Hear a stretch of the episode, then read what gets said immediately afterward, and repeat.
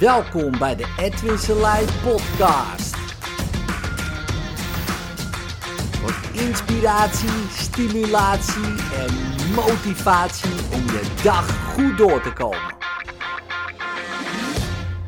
Zo, het is uh, half negen. Donderdagochtend, net getraind uh, in de CrossFit-box. Een dikke chipper. ik ben er nog uh, misselijk van. maar goed, dat trekt wel weg. En het gaat dan over in uh, fantastische gevoelens. Sowieso een goede suggestie natuurlijk om uh, mezelf mee te geven. Um, en het is ook zo. Het uh, voelt ook lekker daarna. Dat ken je misschien wel. En ben je Guus of ben je Donald? Je hebt van die mensen, van die Guus Geluks. Lijkt wel alsof het geluk aan hun zijde is. Weet je, alles wat ze aanraken wordt goud. Uh, dat soort mensen. Hè? En, en heb je ook de Donald Ducks. En het lijkt wel ze altijd pech hebben. Het is, uh, ze kunnen natuurlijk nooit wat aan doen. En uh, ja, pech overkomt hun als het ware. Um, nou, is dat zo? Dat is een interessante vraag. Ja? Zijn er mensen die alleen maar geluk hebben? En zijn er mensen die alleen maar pech hebben? Uh, misschien wel. Ja, ik bedoel, er zijn 7 miljard mensen. Dus de kans dat die bestaan ja, is vrij groot. De meeste mensen creëren hun geluk en creëren hun pech. En niet per se bewust. Ja, um, veel vaker onbewust, sommigen wel bewust. Maar veel vaker onbewust. Kijk, ik geloof niet dat je geboren wordt met een zuur gezicht, zaggerijnige gedachten. En dat je de hele tijd loopt te zeiken uh, tegen andere mensen. Nou is dat ook heel gek als je een baby uh, meteen hoort klagen. dat zou wel vrij geniaal zijn dat hij meteen kan praten. maar je snapt wat ik bedoel. Dat is natuurlijk vreemd. En dus dat is vaak aangeleerd gedrag. En dan zeggen ze, ja, dat is erfelijk. Sommige mensen denken, ja, erfelijk gedrag. Hè? Dus, dus niet uh, dat je brein, en dat je, dat je wordt geboren met een zaggerijnig brein of een zuur brein, zo'n augurkenbrein uh, in een wekpot, wat dan je hoofd is, uh, met zuur hersenvocht. nou, dat geloof ik gewoon niet. Dat ben jij gewoon niet. Dat zijn die mensen gewoon niet. Zo worden ze gewoon niet geboren. Het zijn gewoon uh, ja, lieve mensen. Weet je wel. Allemaal.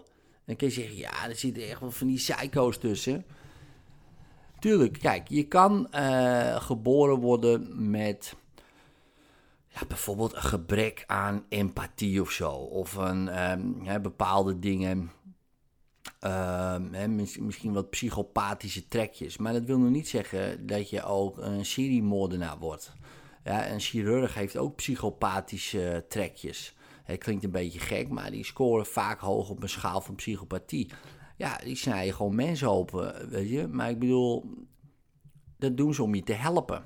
dus dat zegt helemaal niks uh, over, over wat je daarmee gaat doen met die kwaliteit. Dat is allemaal aangeleerd.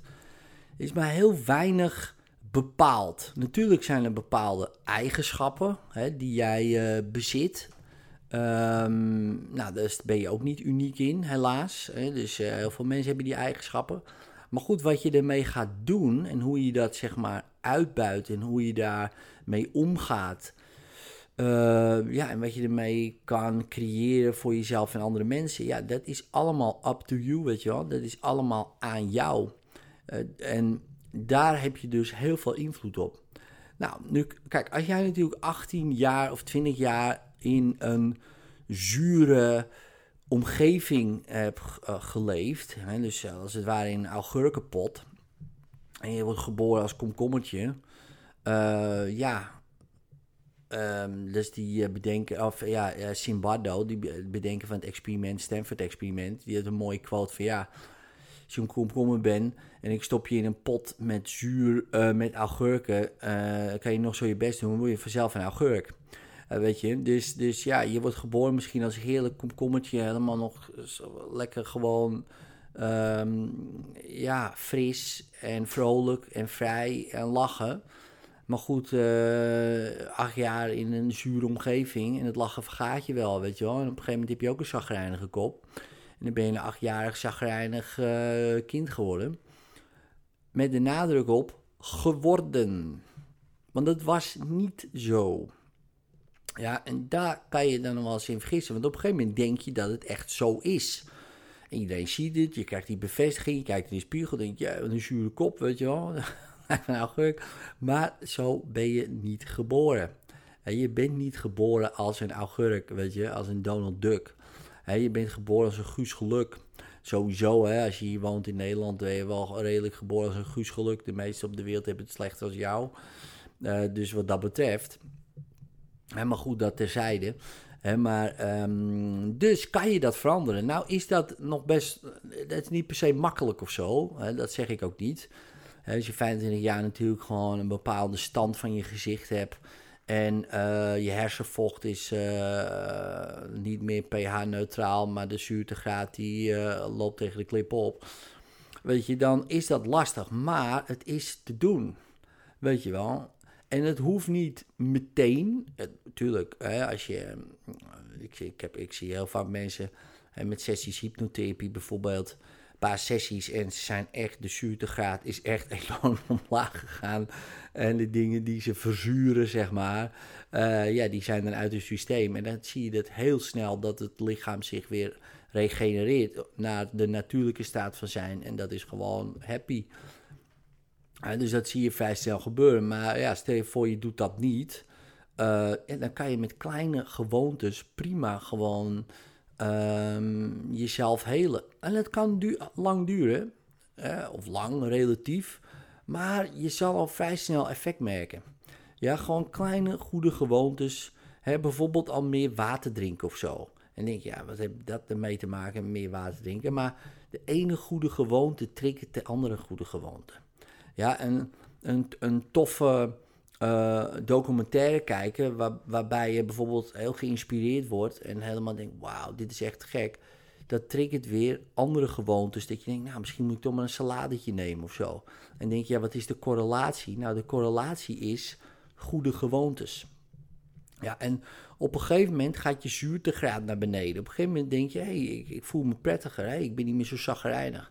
Nou, en wanneer dat gebeurt en je merkt dat, ja, ga dan inderdaad 100% verantwoordelijkheid nemen. Ga dan gewoon zeggen: Oké, ik doe dit dus allemaal. In het begin is dat lastig om dat helemaal te claimen, omdat het gewoon misschien wel onprettig is. dus dan begin je gewoon met goede, wat goede dingen toe te voegen. He, totdat je wat beter voelt en dan ga je alles claimen. Je kan ook beginnen met alles te claimen, want het is nu eenmaal zo.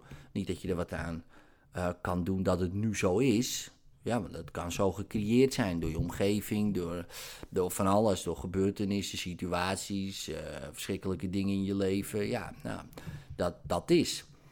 Ja, dat kan je dan niet veranderen. Maar wat belangrijk is, is dat je dat wel uh, voor jezelf um, een plek geeft. Een plek geeft. Nou, en wanneer je dat voor jezelf doet en je claimt dat dus helemaal, ja, dan zou je merken dat het uh, ja, allemaal gewoon een stuk sneller gaat. En dat die zuurtegraad als het ware uh, omlaag gaat. Ja, en je vanzelf weer het komkommertje wordt.